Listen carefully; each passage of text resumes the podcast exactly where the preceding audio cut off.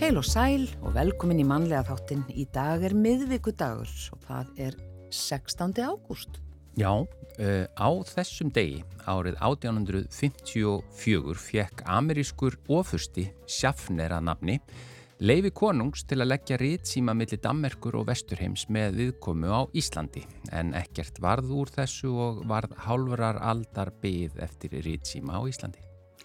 Winston Churchill, fórsættisráðara breyta, hafði viðkomu í Reykjavík á leiðsynni heima fundi með eh, Franklin Roosevelt, bandaríkjafórsætta sem er heldu á nýfundna landi og vakti koma hans mikla aðtegli. Þetta var á þessum degi 1941. Grunnur var lagður að Kópavóskirkju á þessum degi árið 1958. Já, hún er nú afskaplega falleg. Já. Eh, Guðrún Bjarnadóttir, Tvítu Njarvíkur Mær var kjörin Miss International í alþjóðlegri fegurðarsamkeppni á Langasandi í Bandaríkunum 1963. Langasandi, já.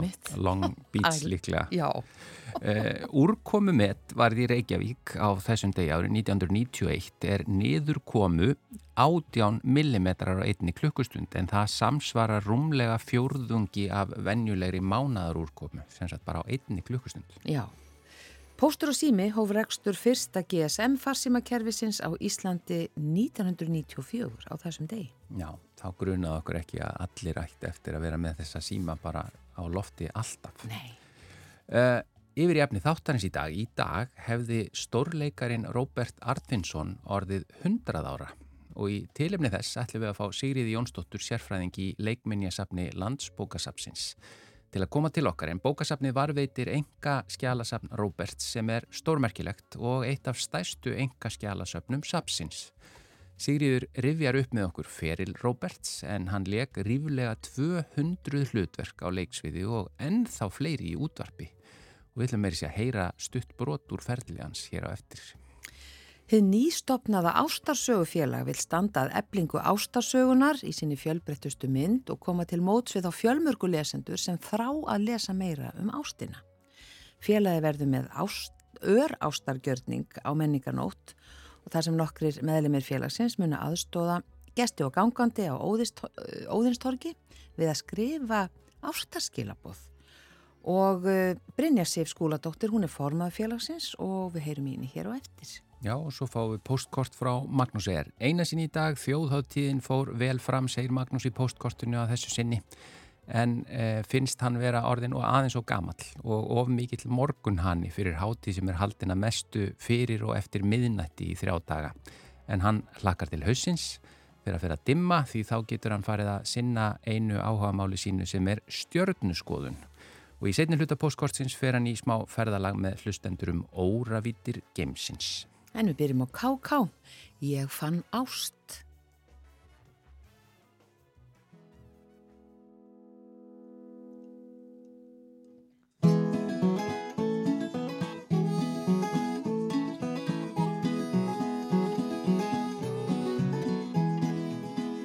Reynda forðast synda flóð, þú skalt feta drottin slóð, læra hlusta og hægt að leika Guð. Eina sem þú þart, það er ekki ígjafmart, það er ást, það er ást, það er ást, já þú þart ást. Ég vil forðast ljóta síði, læra í sátt og fríði, ég vil hafa allt á hreinu með minguð. Ég vil hafa allt á hreinu, ekki uggandi við neinu, ég vil ást. Ég vil ást, ég vil ást, já ég þarf ást. Ef ég fylgi þessum reglum, mun ég sigla þöndum seglum, einn dag í einu treysti á minn Guð. Já ég verð að segja ykkur að ég hræðist ekki myrkur, ég fann ást, ég fann ást, ég fann ást. Já, ég fann ást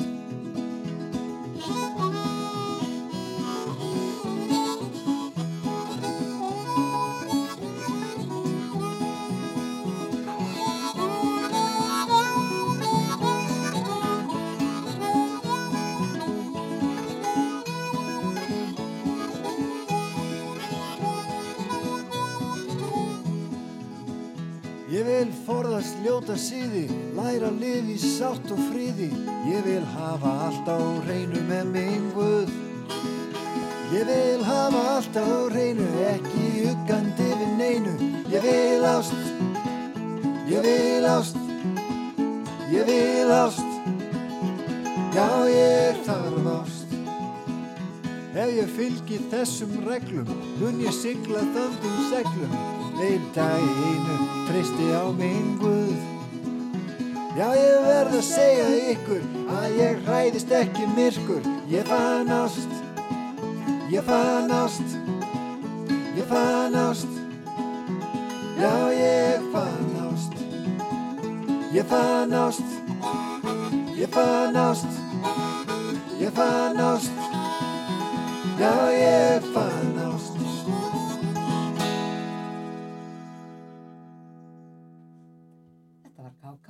og lagið ég já, þetta var Káká og lagið ég fann ást. Já, uh, í dag 16. Eh, ágúst uh, þá hefði stórleikarinn Robert Artfisson orðið 100 ára eins og við sögum frá í upphafi. Og við ætlum þá bara aðeins honum til heiðus og til minningar um hann að rifja aðeins upp hans feril og erum hingað búin að fá uh, Sigriði Jónsdóttur, sérfræðing í leikminniasafni Landsbókasafsins. Velkomin. Takk fyrir. Það er engin tilviljun því að það er bara enga skjálasafn uh, Róberts skeimt í Landsbókasafni. Við varveitum enga skjálasafn Róberts sem er samlega því eitt stærsta safn leikminniasafnsins að mínu viti. Þetta safnið hans er gríðastórst. Hann byrjaði að safna og klippa út að ég tel strax frá upphafi fyrirlsins sem byrjar að 1943 mm. minnir.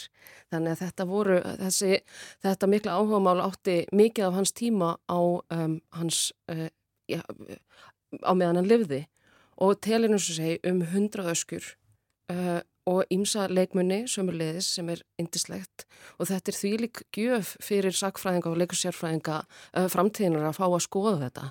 Gaman að uh, grúska í þessu. Að, sko alveg ótrúlega skemmtilegt. Ég hef verið aðeins að dífa Littletáni ofan í þetta safn núna síðustu vikurnar bara til að undirbúa mig og skoða fyrir amalið og annað og við erum með með uh, fyrstu uh, fyrsta albúmið sem hann setti saman uh, alv, í byrjun ferilsins. Uh, en hann, hann gerði þetta alveg frá upphafi? Að ég tel, eða allavega mjög nálagt vegna þess að þarna eru myndir, leikskrár og um, sko velritað inn í, það eru velritaðar arkir inn í úrklöpubókunum þannig að þetta er límt, hann myndskreitir þetta sjálfur og mín að þetta er allavega gert mjög fljótlega eftir að hann leik, byrjir að leika í semst, uh, leikfélagi Reykjavíkur þá rétt leiðilega tvítur mm -hmm. í Vopni Guðuna eftir uh, Daví Stefánsson uh, sem hann svona var, hann er ekki á lista yfir leikarana en hann var svona statisti sem hann fekk í gegnum námisitt hjá Lárusi Pálssoni Já, það, hann læri leiklistina hjá Lárusi. Já, hann og Baldvin Haldursson og uh, Gunnar Eyjálsson að ég tel voru meir og minna uh, skólabræður eða voru að söpum tíma í þessu námi hjá hinn stórmerkilega Lárusi Pálssoni. Já. Já, og þetta, og þegar þú talar um öskur, þá ertu bara að tala um stóra papakassa. Já, eða svona papakassa af öllum stærðum og gerðum, vegna þess að þessi albúm eru frekar, uh, frekar stór og síðan eru plakkut af bara öllum stærðum og gerðum og ljósmyndir og einmitt ég forláta um, skilmingarsverð á skrippborunum mínu í vinnunni vegna þess að það er, um, og ég veit ekki alveg hvaðan það sverð kemur en þetta, þetta geimdan, þetta eru postkort frá leikferðum, þetta eru Um, alls konar upplýsingar um bæði leikferðir erlendis og hérlendis. Hann held uh, þar meðal dagbækur svona vennjulegar þar sem hann er bara að skrifa niður daglegt amstur þarf að mæta á æfingu þarna þarf að gera þetta þarna það er um svona launamál og hitt og þetta sem er persónulegt. En hann heldur líka ég fann um, skráningu um það að hann fór mikið í leikferðir eins og um, um Ísland eins og mhm. margir á þessum tíma svona þegar samkomi húsin voru sem sterkust og þá held hann sko nákvæma lista yfir ástand húsana Jaha. hver er húsvörður, hvað geti fengið likla, hvernig er ljósabúnaður, stærðin á húsunum, stærðin á sviðunum, fjöldi sæta, allt saman. Þetta er bara dýrmætt heimild um það þá. Það og Já. þess vegna er svo mikilvægt að skoða þessi sögn og gefa þeim gaum vegna þess að þarna eru miklu fleiri upplýsingar heldur en bara sem að við kemur leikusinu. Þetta eru menningasöguleg verðmæti sem að tengjast sko út um allt og hvernig, hvernig launamálum var háttað. Hann var til dæmis mikill um, ásamt koninni sinni henni stelu, uh, mikill áhuga maður um garðirkju. Þannig að það er til, hann klifti út öll viðtöl uh, við þau til dæmis sem kom út í ýmsum garðirkjublöðum og dagblöðum og önnu. Hann tók upp uh, þætti á rúf, það eru snældur þarna sem á eftir að skoða og yfirfæra yfir á stafrænt form. Þarna eru vídeospólur sem hann annarkvort áskotnaðis eða var gefið og samhliða þessu eru síðan til upptökur af honum uh, úr aðalega úr síningasafni þjóðlíkusins uh, sem að leikminnarsafnið varvitir uh, sömu leiðis sem er ekkert smá vegna þess að hann að mínu viti leki um 160 hlutverkum á, Á leiksviði. á, bara á leiksviði. Já, á um svo það- bara útvarpsverkefnin hans voru mörg hundruð ekki satt líka. Ég tel að þau gætu verið allt frá milli þess að vera 500 og 600. Já. Vá. Þetta er magna, við ætlum að heyra aðeins að því að við ætlum aðeins að fara bara pínu að því við náum auðvitað ekki að- utanum svona langan feril en hér er smá hljóðbrot þar sem að hann leik eh, Sorba, eh, Gríkjan Sorba eh, er, er í þjóðleikusinu það ekki 1971? Jú. Heyrum smá brota því hérna Ég frá ekki. Ég er frjáls. Mig skortir ekki. Ég skulda ekki. Ég er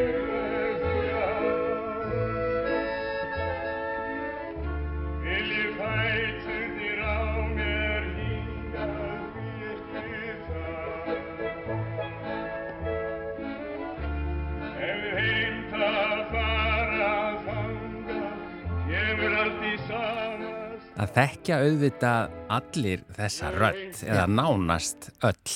Öll, já. Já, Falleg söngrödd. Og aðalega og ég held að það sem er svo fallegt við hann að þess vegna eru barnarleikrið svo óbúslega mikilvæg fyrir um, þjóðasálinni eiginlega að þrátt fyrir að kannski börn nútímans uh, þekkja ekki hann í sjón eða hafa aldrei síðan á sviði að þá vita þau hvað Bastian Bæfókit er. Þau þekkja hann af plötunni þannig að röddinn hans semst, ferðast áfram og er ennþá að ferðast áfram yfir semst, mismöndi kynsluðir. Já. einmitt og ég meina það er hlustað ennþá á Kardimómbæin í dag og það er upptakan þar sem að hann er uh, Jú, Bastian. fyrsta upptakan sem, að, sem að var gerð og fyrir utan þessar sem komu síðan síðast. Um, en þess vegna og, og meiri segja alveg frammyndir hann leg Bastian að ég tel allavega 140 sinum yfir 15 til 20 ára tímubil. Þannig að það eru margir sem að líka sá hann uh, annarkort í stundin okkar eða á sviði. já, já, Þannig að þetta er landsfrægur maður og einn af okkar merkilegustu leikurum á mínu mati. já. Þvílugur fengur fyrir, fyrir safni. alveg ótrúlega mikilvægur fengur og alveg gífulega mikilvægt og ég er all- alltaf að hvetja bæði sagfræðinga og leikusfræðinga og áhuga samt fólk um að skoða þessi söfn vegna þess að þau eru, þetta er mikið af órannsökuð efni og efni sem hefur aldrei verið skoðað eða skrifað um og ég ger oft grínaði að leikminnisafnið varveitir allavega hana 15 doktorsreikjarir sem er bara býð eftir fólki og þá er safnið hans Roberts efni í heila doktorsreikjarð vegna þess að þetta eru, eins og segja, 100 kassar fjölbreytt efni, ljósmyndur, upptökur, uh, dagbækur, bref, heiðursmerki sem hann fekk í gegnum tíðin og ég veit ekki hvað og hvað. Þannig að þetta er eitthvað sem er, sviðslistir eru hluti af þessari íslensku þjóðasál sem að við einhvern veginn höfum skilið eftir eh, hvaða rannsóknir varðar sem að Já. mér finnst um, frekar leiðinlegt og þá tel ég að safniðans Róbert sé þið fullkomna dæmi um það sem hægt er að gera og þann ótrúlega heim sem að opnast um leiðu þú opnar eina ösku að þá ertu komin inn í einhvern ævindirheim og inn í um, bara hrein, þú getur bara snert sögu Íslands leikús vegna þess að þetta er eitthvað sem hann skrifaði og gerði og setti saman sjálfur. Mm. Og það, já, það er hægt að koma í landsbókasafnið og sjá það eru svona tveir kjörgripir eða ekki mánadarins sem hægt er að skoða núna eða hvað? Jú, það er hægt að skoða á Íslandsafni sem er í, í á fyrstu hæð á uh, þjóðbókluðinni. Uh, þar eru við með einmitt uh, fyrsta albúmið hans til sínis og ef að um, er á opnu uh, þar sem hann leki eitt af öfháðskiptunum sem hann lek, lek fyrir fjalaköttin.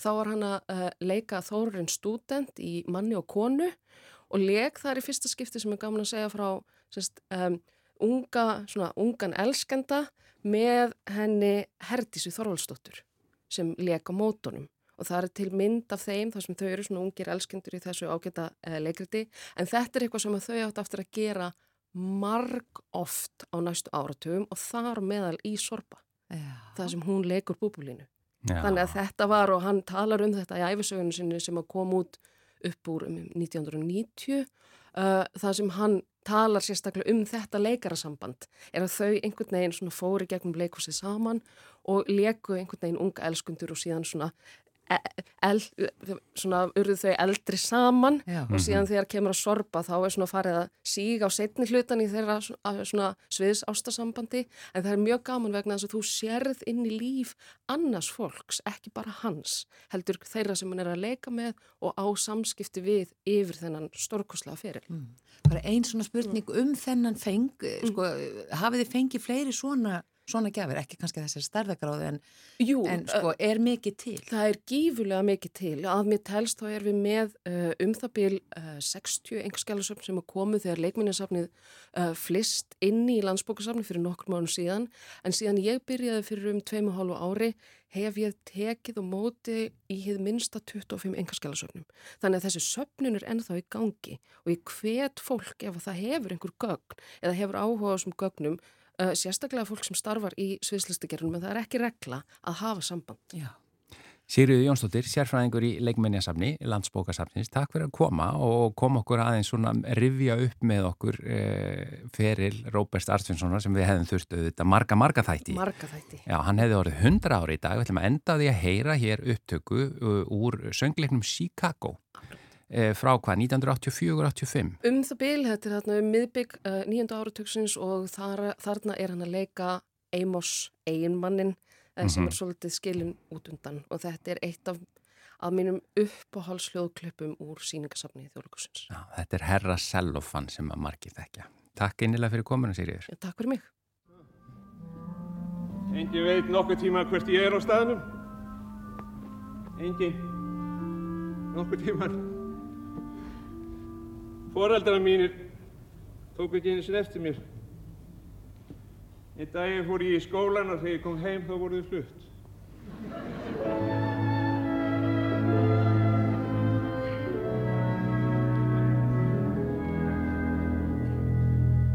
Ef einhver kæm á mannamót með skalla, krikk og klumpu fót og æft á fólkið orðin ljót, þið sæð hann.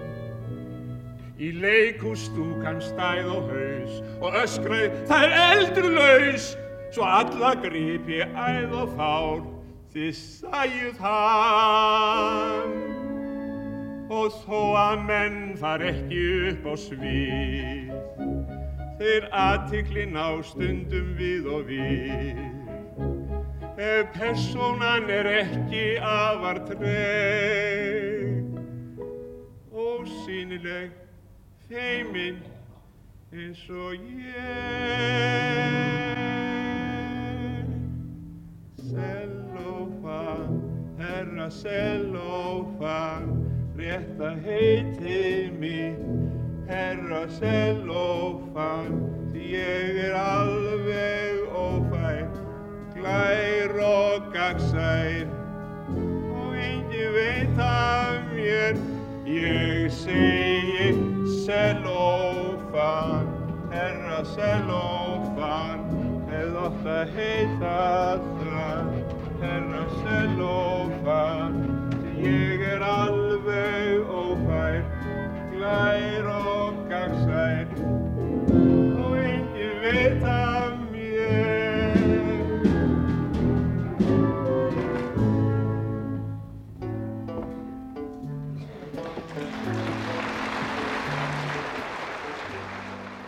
Já, þarna heyrðu við í Róberti Artfinnsinni í þessu hlutverki sínu í Chicago og þetta lag Herra Sellofan og þessi upptaka er úr þjóðleikusinu frá veturinnum 1984 til 85. Já. Love me tender, love me sweet, never let me go. You have made my life complete, and I love you so. Love me tender, love me true, all my dreams fulfill. For my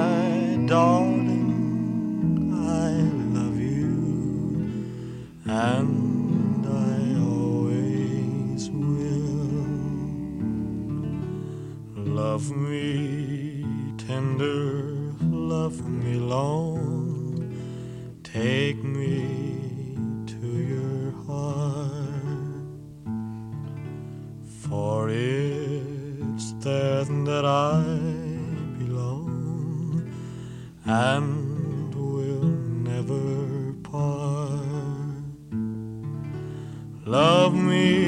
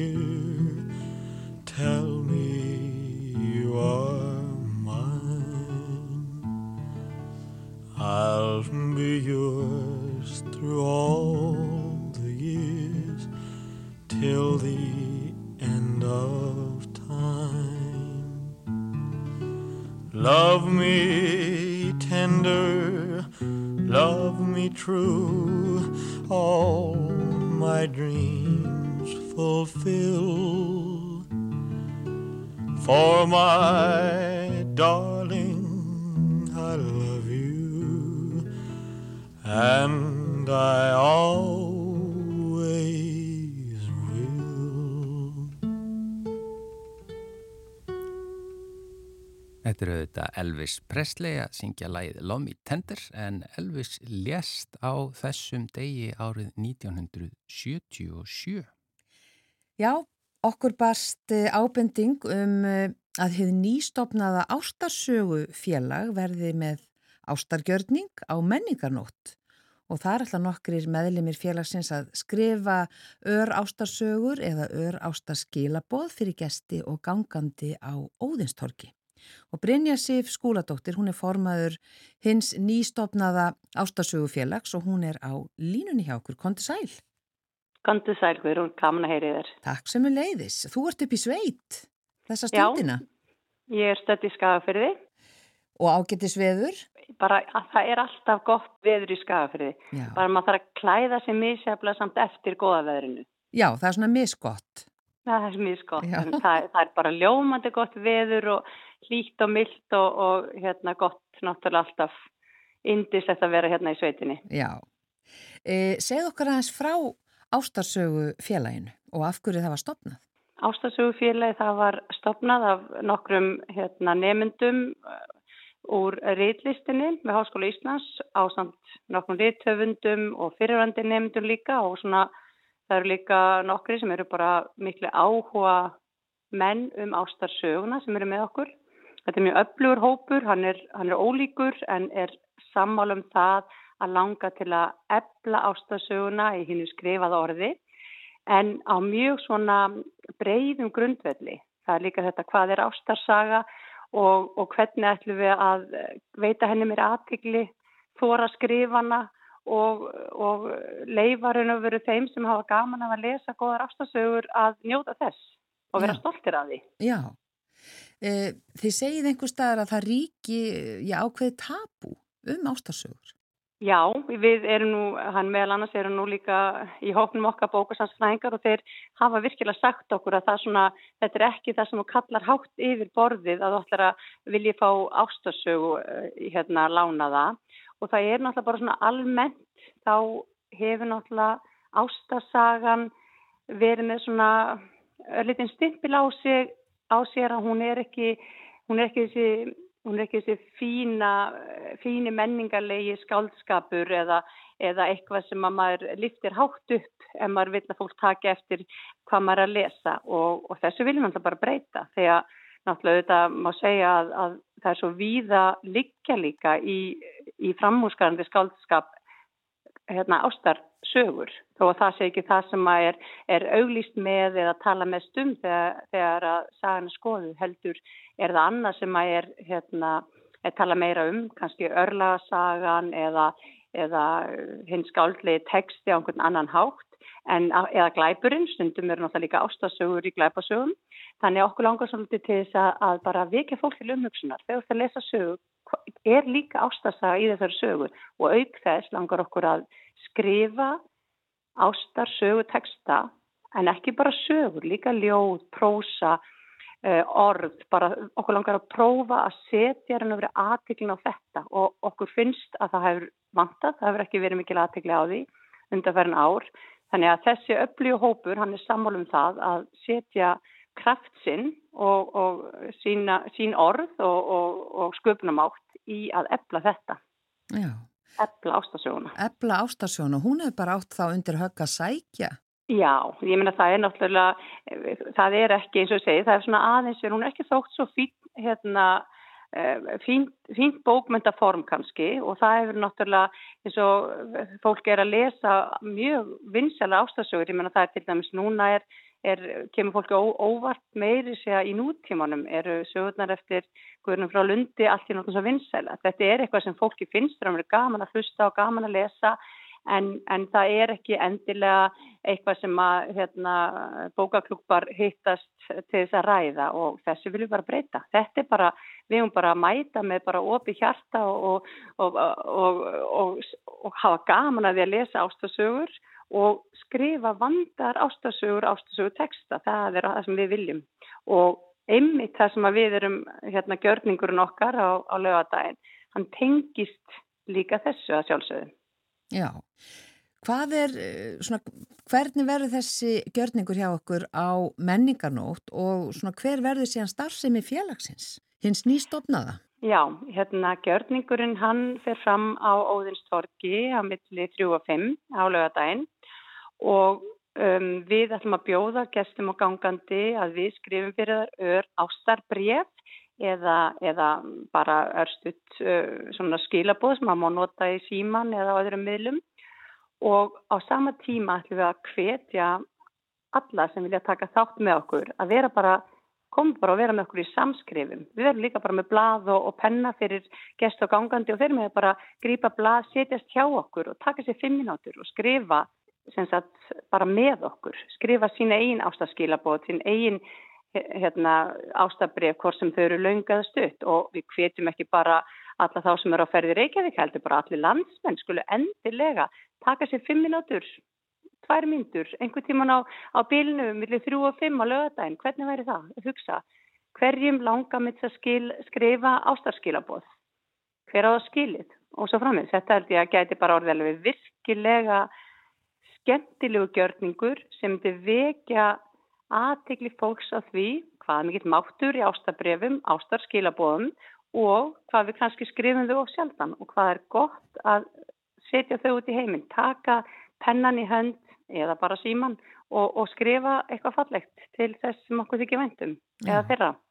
Ég hef nú svolítið verið að spyrja fólki í kringum mig hvena fegstu síðast ástabref eða ástaskilabóð og, og það er svona flestir segja já það er nú langt síðan þetta er, þetta er eitthvað sem ég held að, að við getum, við höfum öll gaman af og svo má maður líka segja það, það, það, það má líka skrifa ástabrið bara til, til uh, náttúrunar, til um, tómstundagamansins þíns, til þín sjálfs þess vegna. Þannig að að við, þetta er á mjög breyðu sviði, þetta er líka bara görningur um það, stöldurum við og setjum aðteglina á ástarbrefin Því ástabref í þeim liggur svo ótrúlegu kraftur. En maður hugsa bara um það sko fyrst e, þessi gjörningur að skrifa ástabref hann byrja náttúrulega bara þegar þú fer að hugsa um, um manneskuna sem að þið langar að skrifa þá, þá byrjar eitthvað að gerast innra með þér og síðan ákveður að skrifa henni á bladið, festir henni á bladið og svo sendur þetta á stað til eh, þessum á að fá þá. Þegar hann tekur það í hendurna þá aftur fyrir eitthvað að gerast. Það verður eitthvað,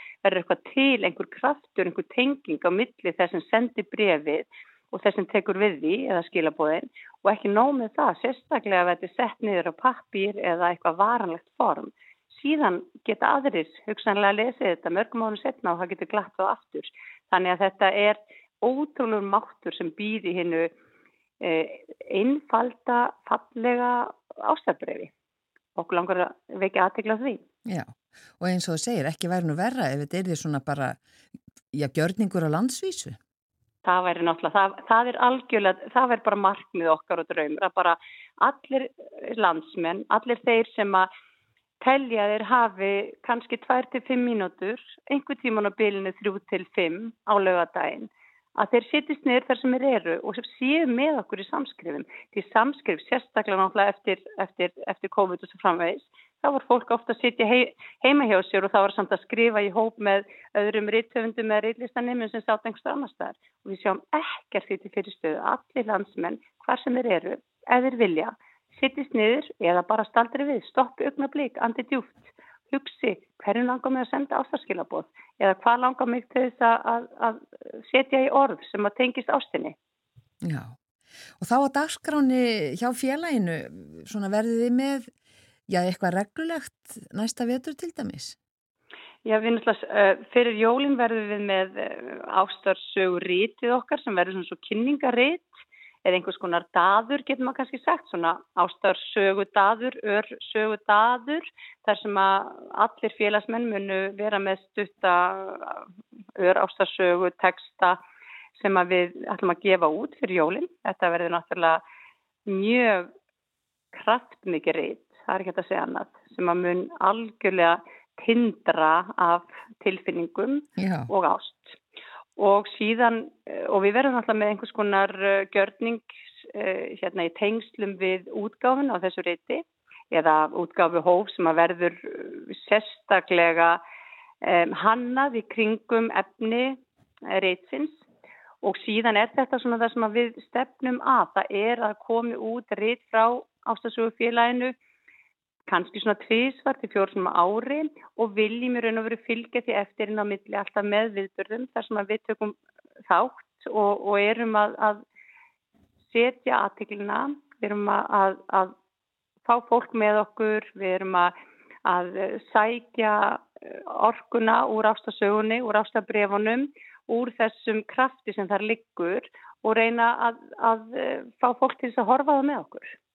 Kæra þakki fyrir þetta Brynja Sif skúladóttir formaður uh, hins nýstofnaða ástarsögu félags og við minnum bara í lokin á þennan gjörning ykkar á menninganótt.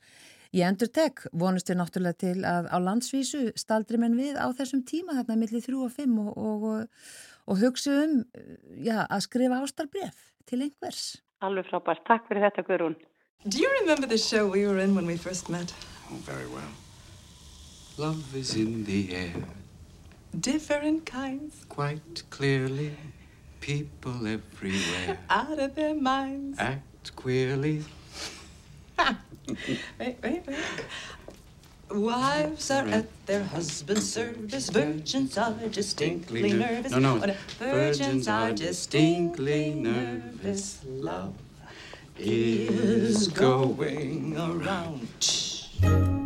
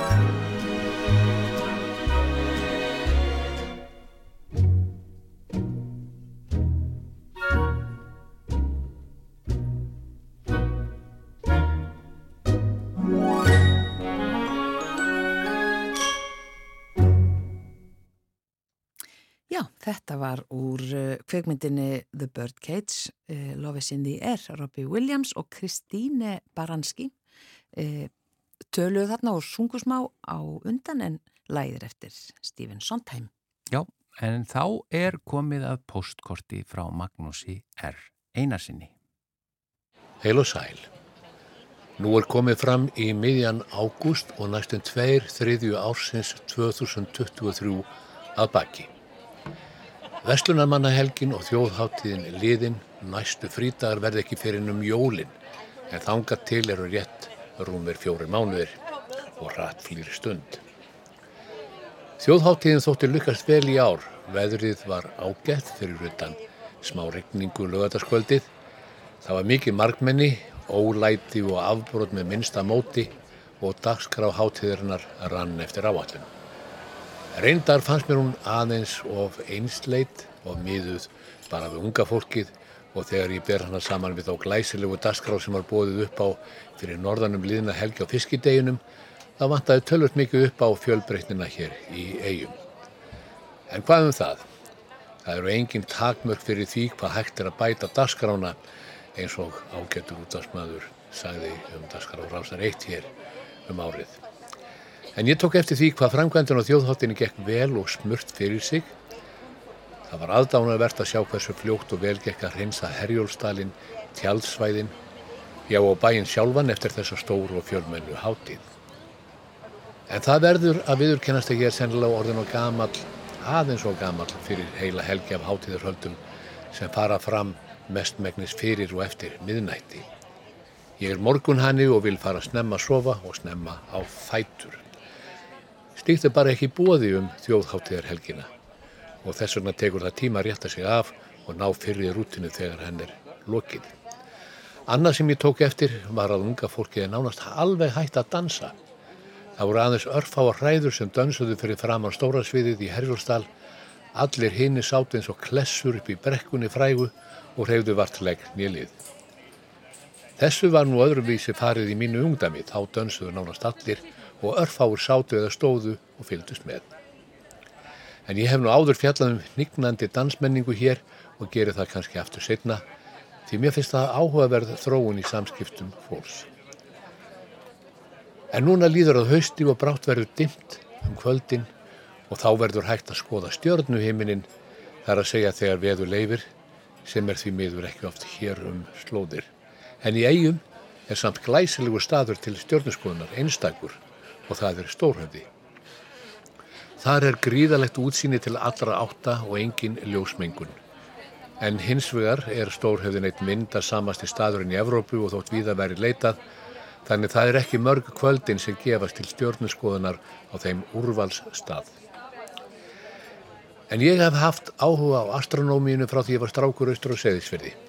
Þar geta orðið vetrastillur og stjórnubjart kvöld eftir kvöld en ekki mikið útsýni. Fjörðurinn er þraungur eins og allir vita og fjöllin eru há. En í alheiminum eru 100 miljardar vetrarbrauta og í hverri þeirra eru álíka margar sólir 100 miljardar. Tölurnar eru svimandi. Við mannfólki búum á einni lítilli reykistjörnu sem snýst í kringum eina sól í vetrarbrautinu okkar. Meira vitum eiginlega ekki. Við vitum ekki hvort það er nokkurt líf annar staðar og öðrum plánetum í öðrum sólkerfum í vetrarbröytin okkar hvað þá í öllum hinum. Við erum eftir því sem við best vitum alein. alein að ringsóla á þessari pínulitlu plánettu sem við köllum móður jörð. Alein og agnarsmá í henni svimandi óravít alheimsins þar sem fjarlæðir eru meildar í ljósárum. Og þegar þú hugsa til þess að ummál jarðar er um það byrj 40.000 km og að ljósið ferðast 300.000 km á einni segundu þá gefur hugtækið ljósár nokkuð skýra og kannski ókmikjandi mynd af dýft óravegun alheimsins.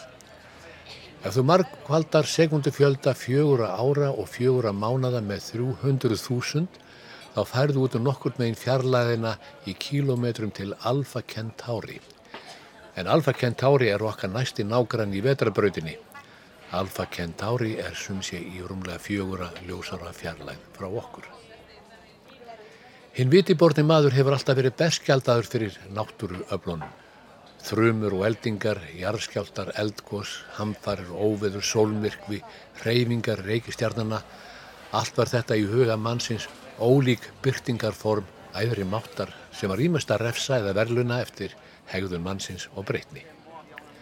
Og maðurinn tilbað hinn æðri mátt og baðan hjálpar í vannmætti sínum gagmart náttúruöflunum. Sendi guðum sínum bænir og skilaboð með ýmsum taknarænum hætti, oftar en ekki með skelvilegum fórnum. En eftir að vísindin fundu svör og skýringar og hegðun náttúrunar og hennar afli og sérstaklega eftir að sólmiðju kenningin var sönnuðu á Galilei og Galilei á 17. öld, þá fyrst fór hinn vitiborni maður að hugsa frjálslega út fyrir þann ramma sem trúarbröðin hefur sett honum. Enda hefur Galileo verið kallaður fadir vísindana. Og það er í raun og veru ekki svo langt síðan maðurinn fór að spyrja spurningarinnar um líf á öðrum hnöttum, ekki nema svona 400 ár. En þá var líka svo spurning svo hættuleg að þú gast átt að yfir höfðið þér að vera tekin af lífi fyrir það eitt að orða hann ofinbeglega eins og stittan af Giordano Bruno á Campoti Fiori í torkinu í Róm fyrir vittnum. Hún stendur á þeim stað þar sem heimsbyggingurinn, skáldið, munkurinn og hugsuðurinn Giordano Bruno var brendur til dauða í februar árið 1600 af katholsku kirkjunni fyrir trúvillu og fyrir að neyta að draga fullendingu sína um vitsmunalíf og öðrum nöttum tilbaka. Þessi þöggun og þetta óhugnalega ofbeldi dugði kirkjunni samt ekki til. Menn heldu áfram þrátt fyrir hótanir páfan sem pínu, dauða og helvíti að spyrja og rannsaka. Því tilhugsunin um að við séum einn er svo yfirþyrmandi. Jáfnvel Robinson Crusoe var betur stattur aðleitn á eigðegjöf sinni. Hann vissi þó að það var vitsmunalíf handan hafsins. Við erum ekki í þannig stöðu. Við vitum ekki hvort það er einhvers konar líf handan við okkur á plánöttum eða tunglum í okkar eigin sólkerfi hvað þá í öðrum. En við verðum að fá að vita og þess vegna fórum við að senda skilabóð út í óravíti geimsins með skipulögðum hætti um leið og við höfðum tækni þekkingu til þess. Og núna eru send skilabóð dag og nótt á öllum þeim bylgjulengdum sem við höfum yfir að ráða. Við smíðum dýrar og floknar vélar til að fylgjast með og hlusta eftir svari utan úr geimnum. Ótrúlegur fjöldi fólks, hámentað og velgefið fólk veru öllum sínum tíma á hæfileikum í að reyna að finna leiðir til að finna svar við spurningunni stóru er einhver þarna. Og við sendum vélarnar okkar á spórbaug í kringum hnöttin til að horfa út í geimin og hlusta og skoða og fylgjast með í þeirri vona að fá svar. Bara eitt hljóð eða ein mynd væri nóg. En þögn og myrkur er það eina sem við höfum haft úr krafsinu hinga til. Við sendum fyrsta kosmiska flöskuskeitið, ef svo má segja, Pioneer 10. af stað fyrir 40 árum rúmum. Og aðal tilgangur þess var að heimsækja Júpiter og þær plánetur sem eru fjärst sólu í sólkerfinu. En þegar þeirri rannsókn var lokið, helt geimfarið áleiðis út úr sólkerfinu og nú er það á leið í átta Aldebaran sem er alfastjarnan í nautsmerkinu og er í 68 ljósára fjarlæð. En það ferðalag mun taka meir en 2 miljónir ára.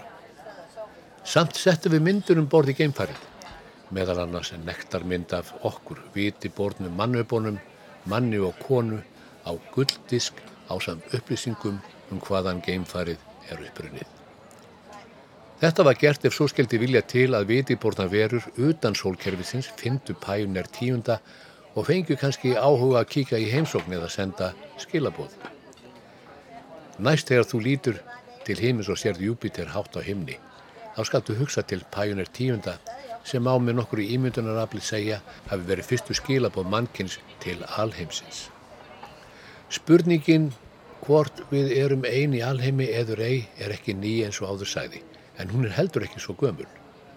Eftir að sólmiðjukenningin var staðfest fyrir cirka 400 árum og menn áttuðu sig á því að stjörnurnar voru ekki göta á himnaríki, þá hefur þessi spurning vakað í huga mannsins. Og það er ekki nema undanbil hundrað ár frá því að manninu var ljós órafít geimsins. Þegar stjartfræðingurinn Edwin Hubble fattaði það sem menn heldur að væri einhvers konar þokur væru í raun galaksýr eða vetrarbröytir. Þanga til hafðu menn haldið að alheimurinn væri takmarkaður að vetrarbröytinu okkar. Heimurinn stækkaði þá miljón og miljardafalt á einni svip stundu. En áður en höfbúli reknað út galaksíðunar höfðu menn samt verið að pæla í vitsmina lífi utan jarðar en þá helst á tunglinu, Mars og Venus og voru sem sé að pæla í bakgarðinum hjá sér. En fegurð himinsins er hillandi. Stjörnurnar eru kennileiti sem allt mannkinn á sameinlegt og hefur nota til að sigla og navigera um jarðarkúluna frá örafu elda. Og þær hafa skapað sögur og ljóð myndir, hugmyndir og fantasíu í árþúsundir og munu gera um ókomna tíð. Bestu kveðjur og góða stundir.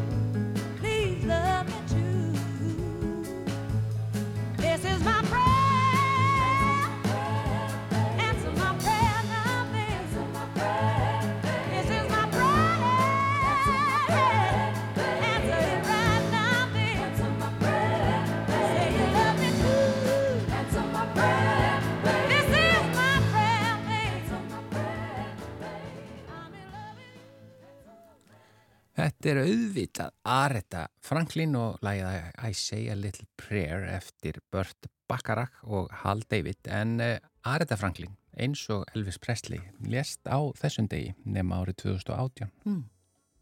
Já, sérkennlega tilviljun. Já. Ekkert sérkennlega, bara tilviljun. Hann var oft kallaði kongurinn Mm. og hún var kalluð drottning sálartónlistarinnar. Já.